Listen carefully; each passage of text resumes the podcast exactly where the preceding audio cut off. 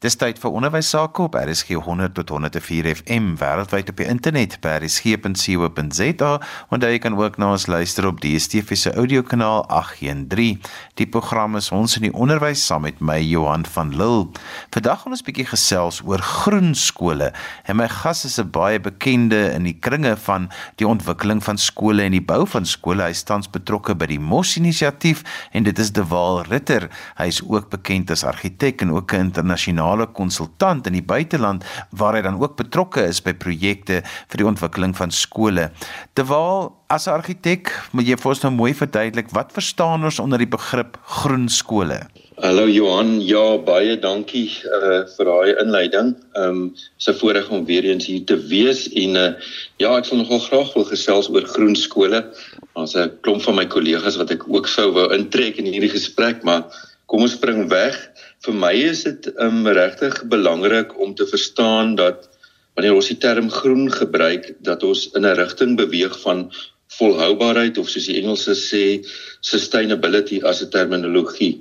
Dis meer items soos die korrekte verstaan van 'n terrein, die groter konteks, wat is die doelwit van so 'n skool in 'n landskap, die integrasie van geboue wat ehm um, reageer met sy omgewing spesifiek, selfs 'n sosiale dinamika en dan 'n uh, eh, 'n uh, eh, tasbare items soos die landskap wat amper dit indring ehm um, die hantering van dit wat ons skep met ander woorde iets soos vrugte of groente wat verbou word die gebruik daarvan in die afval en die herwinning daarvan wat eintlik die voetspoor verlig deur hierdie positiewe stappe te neem. Dit sluit ook items in soos die passiewe manier van energieopwekking die opvang en gebruik van reënwater byvoorbeeld die aanplant van van groente en vrugtebode vir gebruik intern en dan ook die hantering van energie op 'n baie sagte manier. Dit is wat ek uh sien as ek kyk na na groen en so 'n bietjie om om net weg te beweeg van iets soos sonenergie wat gebruik word. Uh dit is deel van die hele aanslag van volhoubaarheid. Dit is nie alwaar waarna 'n mens behoort te kyk nie terwyl mense met ook in dieselfde asem die woord greenwashing gebruik. So waar pas dit in en wat beteken dit? O ja, Johan, ek het 'n kleintjie dood aan greenwashing. Uh, ek dink dit is ehm um, soos ek dit nog altyd verstaan het, ehm um, is dit ehm um, iets wat amper deur die bemarkings uh, afdelings van groot koöperatiewe maatskappye uh, geskep is om ekologiese argumente te vorm terwyl hulle besig is om die omgewingsimpakte van die produkte wat hulle lewer te verklein. Maar in die meeste gevalle is dit amper asof die die greenwashing is is eintlik vir jou aanduiding en en ek probeer niks moeilik daarmee mee sê nie is dat uh dit het eintlik 'n teenoorgestelde effek as as ouens greenwashing begin gebruik dan begin dit amper raak asof dit hulle dis amper asof iets weggesteek word en die teenoorstelle is eintlik van die voetspoor van toepassing. As ek dan dan moet onderskei regtig is dit amper die letterlik gebruik van 'n kwas om iets groen te verf teenoor iets wat daadwerklik groen in sy wese is. Terwyl baie skole het al inisiatiewe aangepak om hulle skole meer groen te maak, om energie te bespaar, om krag te bespaar, om water te bespaar. Allerhande dinge gedoen om dit reg te kry. Vertel 'n bietjie eers vir ons 'n bietjie daarvan ook want dis nie net altyd nuwe skole wat groen skole of tenminste bestaande skole kan dit ook doen. Jy is heeltemal korrek Johan en ek dink dit is hoekom die term volhoubaarheid of sustainability eintlik na vore moet tree. Daar is regtig inisiatiewe soos ons het nou gepraat van energieopwekking, maar waar jy um, na die tyd op 'n bestaande skool die dakruimtes kan gebruik om sonkragpanele te installeer om jou self 'n bietjie onafhanklik van die die die grid soos ons in Suid-Afrika uh, verwys na na krag wat van buite af binne toe kom uh onafhanklik te maak. Met ander woorde jy jy wek jou eie krag op deur die son te gebruik. Jy kan dit selfs doen deur die wind te gebruik. Um maar skole is nie altyd gebaseer in areas waar daar uh, 'n windkanale is nie. En dan natuurlik ook uh om water te gebruik om dit op te wek. Um ek is tans blootgestel waar waar water uh as as opwekkingsmetode eintlik baie sterk is en 'n stabiele toevoer van krag uh, vir ons gee. En dan is daar natuurlik die herwinning van reënwater soos ons net nou ehm um, genoem het. Ehm um, dit veral vir vir gebruik in jou uh stelsels binne in die geboue vir toilette spesifiek en vir besproeiing kan jy weer reënwater daarvoor aanwend. Ehm um, daar is ook ehm um, maniere wat dit uh gebruik word om miskien die groente wat aangeplant is en vrugtebode om hulle ehm um, dan ook te voed met die water wat vandaan kom. En dan natuurlik die die groot ding ehm um, wat regtig 'n goeie voetspoor oplossing is is iets soos die herwinning van plastiek, glas ehm um, en organiese elemente om om dit te kan onderskei van mekaar en dan daai inisiatief gebruik om of kompos van die organiese te maak of dan self die die plastiek en die die glas weer by afsetpunte te kry wat dit kan verwerk en weer 'n tweede lewe kan gee. So daar's definitief ander ehm um, oplossings wat ons kan volg om skole in hierdie geval meer volhoubaar te maak. En dan en dan praat ek nie eens van papier nie. Ehm um, daar is verskeie inisiatiewe wat 'n mens kan loods om jou uh, volhoubaarheid eintlik sterker te maak uh, in die groter prentjie.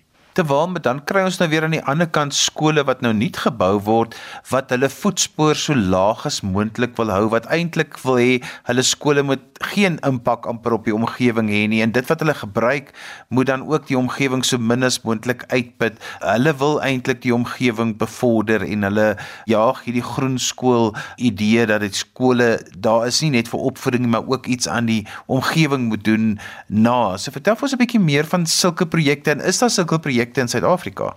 Ja, Johannes, um, ek wil graag verwys na twee spesifiekes veral hier in die Wes-Kaap is daar twee baie goeie voorbeelde waar waaroor mense kan gesels. Die een is sopas eh, 'n uh, baie media blootstelling gekry. Dis bekend as die Green School South Africa. Dis deel van 'n netwerk van groen skole in die wêreld. Die eerste ene was in Bali opgerig en die tweede ene in Nieu-Seeland en Suid-Afrikaners het dit goed gedink om dit na Suid-Afrika toe te bring en regtig ingekoop in die beginsel van wat is 'n groen skool regtig en 'n uh, argitekte is aangestel, hulle is gestuur om navorsing te doen daaroor. Ek dink nou spesifiek, ek wil nou so liries raak oor hierdie spesifieke skool in Suid-Afrika. Ehm um, dis geleë tussen die Parel en Franshoek en die argitekte was Gus Architecture Studios jy kan altyd met ou Wessel van Duyk gaan gesels oor wat hulle moes doen daar, maar ehm um, hulle het regtig holisties en geïntegreerd gaan kyk oor hoe so skool behoort ontwerp te word. Dit is 'n uh, dit is regtig 'n goeie voorbeeld van wat 'n groen skool behoort te wees ek moet nie kwalifiseer dat dit is wel 'n privaat skool, dit is nie in die openbare sektor nie, maar dit is dit is uh, enige ou kan kan inskryf by die skool. En as jy as jy na hulle uh, media vrystellings kyk oor hoe die kurrikulum aangebied word, oor hoe die kinders self buite in die tuine speel tussen klasse, hoe hoe daai aksies wat hulle daar buite doen teruggetrek word in die kurrikulum binne in die leerruimtes in die skoolgebou self is dit eintlik fantasties oor hoe die goed hande vat. Ehm um, ek dink spesifiek en uh, ek het in 'n gesprek 'n onderhoud wat ek met Wessel van Duyk gehad het, het ek het ek gesels en ek het gesê hy laat my so aan die Australiese argitek Glenn Merker dink want dit is daadwerklik wat daai skool gedoen het. Ehm um, sy filosofie van touching the earth lightly is letterlik wat daar gebeur het. Die geboue al is hulle simbolies van van amper boulders in die landskap is dit ehm um, iets wat saggies met die omgewing omgaan. Hy hy het homself geïntegreer en hy het letterlik deel geraak van die omgewing. Die die landskapsargitektuur wat daar gedoen is deur Dani Steenkamp ook dit trek ook die landskap terug na die gebou toe en dis amper asof daar is 'n uh, 'n soemlose integrasie tussen gebou en landskap is. Dis regtig 'n goeie voorbeeld uh, van wat ek sou noem is is 'n groen skool. Maar dan is daar natuurlik ook Botas Halte se laerskool geleë in die Brede Riviervallei net buite Woester wat ook 'n goeie voorbeeld is. Dit was 'n samewerking tussen privaat sektor ehm um, geld wat ingekom het En die skooltjie wat daar was was 'n openbare skool gewees wat aan die Weskaapse Onderwysdepartement ehm um, um, bestuur word. En die twee het hande gevat en hierdie skool geskep. En as jy vandag daar loop dan dan sien jy iets van amper 'n futuristiese argitektuur wat ontstaan maar tog integreer in die landskap. Selfe amper dieselfde volhoubaarheidsbeginsels as wat die Green School naby Franschhoek en die Parel doen, maar dit is in die openbare sektor. Jy sien ook die gelukkige kinders wat daar rondhardloop wat wat ek meen op die dakke is daar plante groei. Die sonkrag word ook opgevang en reënwater word ook hersirkuleer deur die geboue. En en die geboue is vars. Dis verfrissend. Dit is heeltemal 'n 'n um, verwydering van wat ons geken het as skoolontwerp tot op hede.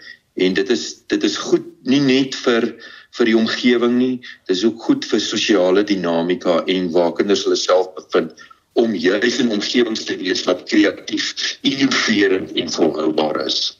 Terwyl ek wil eers by jou hoor as argitek, jy het nie oorspronklik dit gestudeer om skole te ontwerp nie. So waar kom jou passie vir skole dan vandaan en dan ook om juis die skole so omgewingsvriendelik te maak? Weet jy Johan, um, ek het die laaste 26 jaar as argitek gewerk en vir die laaste 12 van daai 26 jaar het ek die voorreg gehad om vir ehm um, verskeie privaat skoolgroepe te help om modelle te ontwikkel oor 'n tydperk toe Suid-Afrika regtig 'n tekort aan skoolinfrastruktuur gehad het. Onthou ons tekort is nie net in die privaat sektor nie, maar dit is ook in die openbare sektor. En hoe meer jy blootgestel word in en en dit was maar wat my uh as persoon aangeraak het hoe meer jy tussen kinders beweeg en jy loop op 'n plek en jy kan iets visualiseer en jy kom agter maar dit is wat hulle nodig het dan dan begin jy opgewonde raak op want jy kan geleenthede raak sien en ek dink dit dit is wat my passie begin ehm um, laat ontkiem het vir skoolargitektuur. Ehm um, ek ek geniet dit vandag nog steeds vreeslik. Ek dink nie ek sal ehm um, enigstens ophou om daarvan te hou nie en ehm um, ja, dit is dit is regtig as jy op 'n stuk skoolgrond loop waar jy die hand gehad het om iets beter te kan neersit en jy laat dit beter agter as wat jy dit gekry het dan was jy eerstens suksesvol maar tweedens ek ek dink dit gaan nie oor jou as individu om sukses te behaal nie. Dit gaan daaroor dat dit wat jy daar agterlaat los dit gelukkige kinders agter. En en dink dit is deel van die passie wat my so dryf. Ek sien geleenthede raak en dan dan wil ek dit ontgin want ek was ook 'n kind en ek het miskien nie so 'n omgewing gehad nie maar ek kan die bates sien wat my eie kinders daarbey gevind het toe hulle juis in omgewings gekom het wat 'n bietjie meer kreatief en 'n bietjie meer innoverend is, 'n bietjie meer anders te gedink het oor hoe ruimtes moet werk.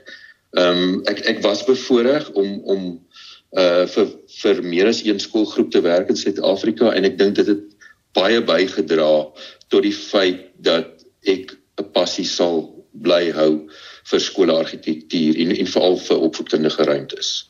Terwyl ek wil terugkom na die Green School wat jy na verwys het wat tussen die Parel en Franshoek geleë is waar hulle baie interessante beginsels gebruik het juis om die groen deel van die skool te ontwikkel. En een van die dinge is die gebruik van buiteruimtes wat baie keer by skole nie eintlik meer benut word as net om die kinders te laat speel nie. En dit is nogal 'n interessante konsep dat 'n mens buiteruimtes ook kan gebruik as klaskamers. Ja, Johan, ek ek dink dit is een van die goed wat wat 'n mite is wat ons moet afbreek dat 'n 'n klasruimte of dan nou eintlik die die beter woord is leerruimte. Ehm um, ons ons moet die die die boks wat ons altyd gehad het wat ehm um, vier mure was met 'n deur in en miskien twee stelle vensters vir kruisventilasie dat dit is wat 'n klas is. Dit vandag soos soos ons wêreld verander, soos kinders leer om anders te leer is daar ook ruimtes nodig om anders te wees waarin hulle leer. En dit het nou begin oorspoel na wat doen ons met die ruimtes wat oorbly as ons 'n ruimte oordek deur 'n dak oor te sit of 'n muur by te sit. En dit het veroorsaak dat ons eintlik begin kyk het na buiteareas en die Green School daar by die Parel Franshoek het definitief gegaan en verstaan wat moet hulle doen met die buiteruimte om dit in te trek in die gebou in. Weet hulle integreer groentetuine en vrugtebode, medisinale tuine, krye paadjies op die kampus. As jy as jy daai goed hoor en jy sien dit en jy ervaar dit en jy ruik dit, al jou sintuie word ontsluit, dan kom jy agter 'n klas of 'n leerruimte is nie meer tussen vier mure nie. Dis oral die toepassing om met ehm um, met daai krye te kan werk om dit te te kan pluk en dan deur 'n uh, stelsel waar waar dit herwin word te sit of uh, te gebruik in 'n kombuis ehm um, en en voedsel daarvan vir ehm um, geur. Uh, dit is kragtige goed en jy kan leer deur net daai aksies uit te voer en ek dink hulle dit baie goed verstaan. Ek meen goed soos uh, hulle neem besluite oor oor watse tipe chemikalieë hulle sal aankoop en gebruik op die terrein. Dis kragtig en en dis die goed waarna ons moet begin kyk want want dit beteken dit is nie net daai daai klas wat ons geken het toe ons as kinders groot geword nie. Dit is dit is meer as dit. Dit is die ruimtes rondom ons.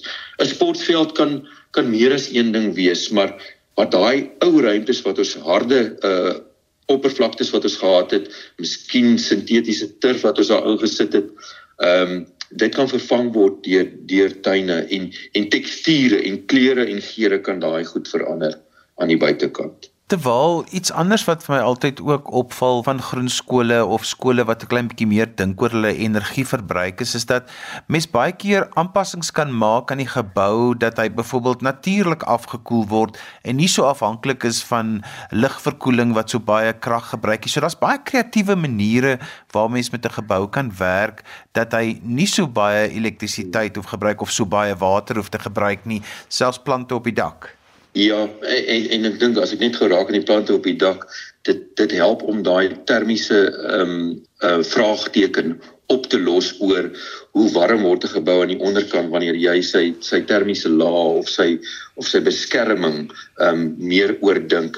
Maar maar as ek terugkom uh, wat jy aan die begin gevra het is dit dit is waar die onus op die argitek redelik swaar is waar ons daai amper daai mantel moet opneem om te sê kyk ek is verantwoordelik vir die welstand en die gelukkigheid van die kinders in die omgewing waar ek nou my potlood 'n lyn mee optrek op 'n stuk papier. So ek moet nou mooi gaan dink hieroor.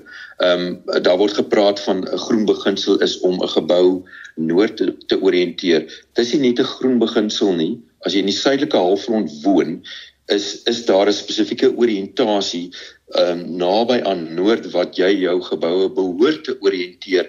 So dit kom terug na logika en en en ehm um, beginsels van van eerste ontwerpe.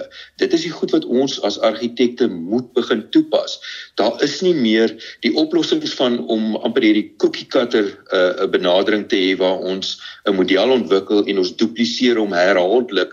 Dit is dit is regtig nie die oplossing nie. Dit spaar dalk geld in die begin, maar Nou moet ons omdat 'n gebou verkeerd georiënteer is, moet ons nou lugverkoelingsstelsels insit om hom af te koel en op die ou ende kos dit ons meer as ons maar net ontwerp van eerste beginsels toegepas het.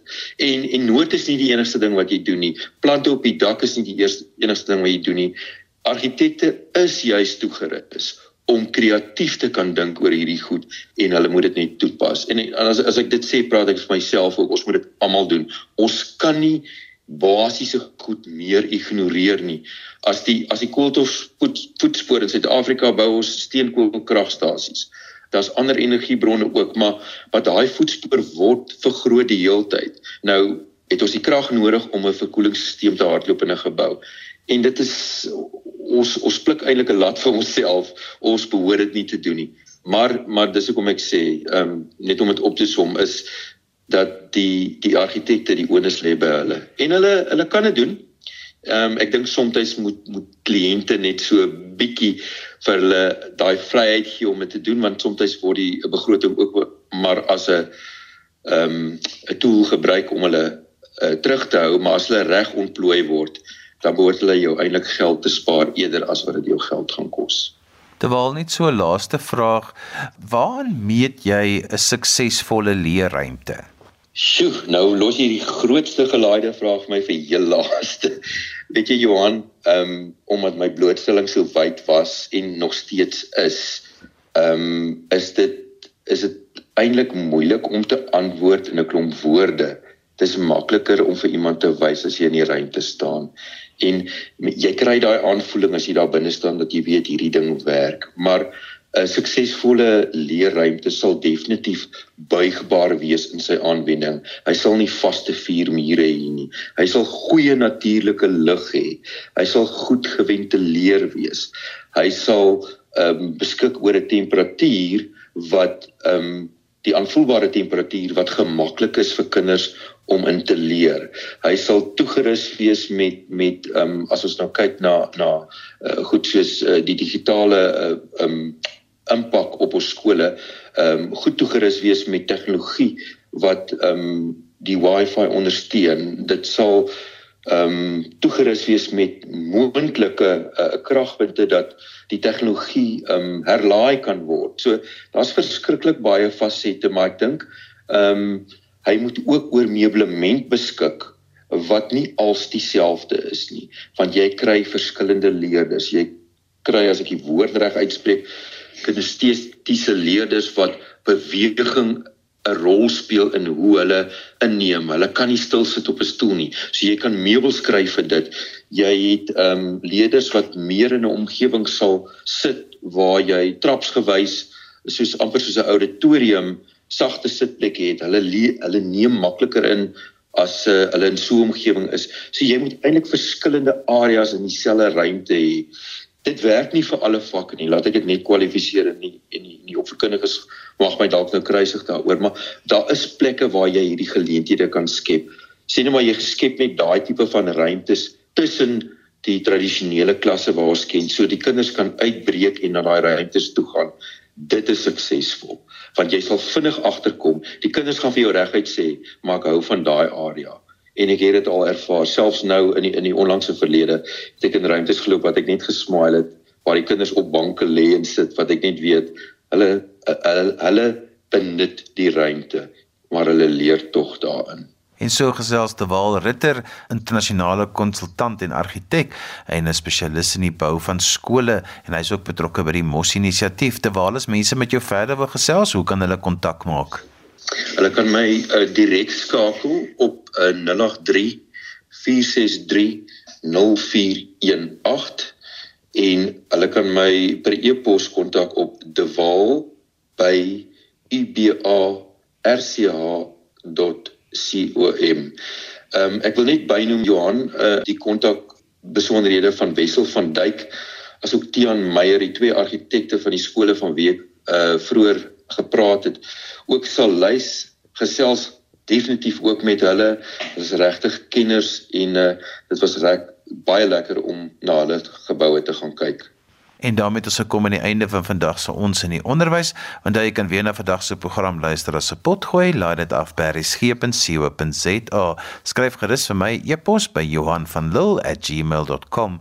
En daarmee groet ek dan vir vandag tot volgende week van my Johan van Lille. Totsiens.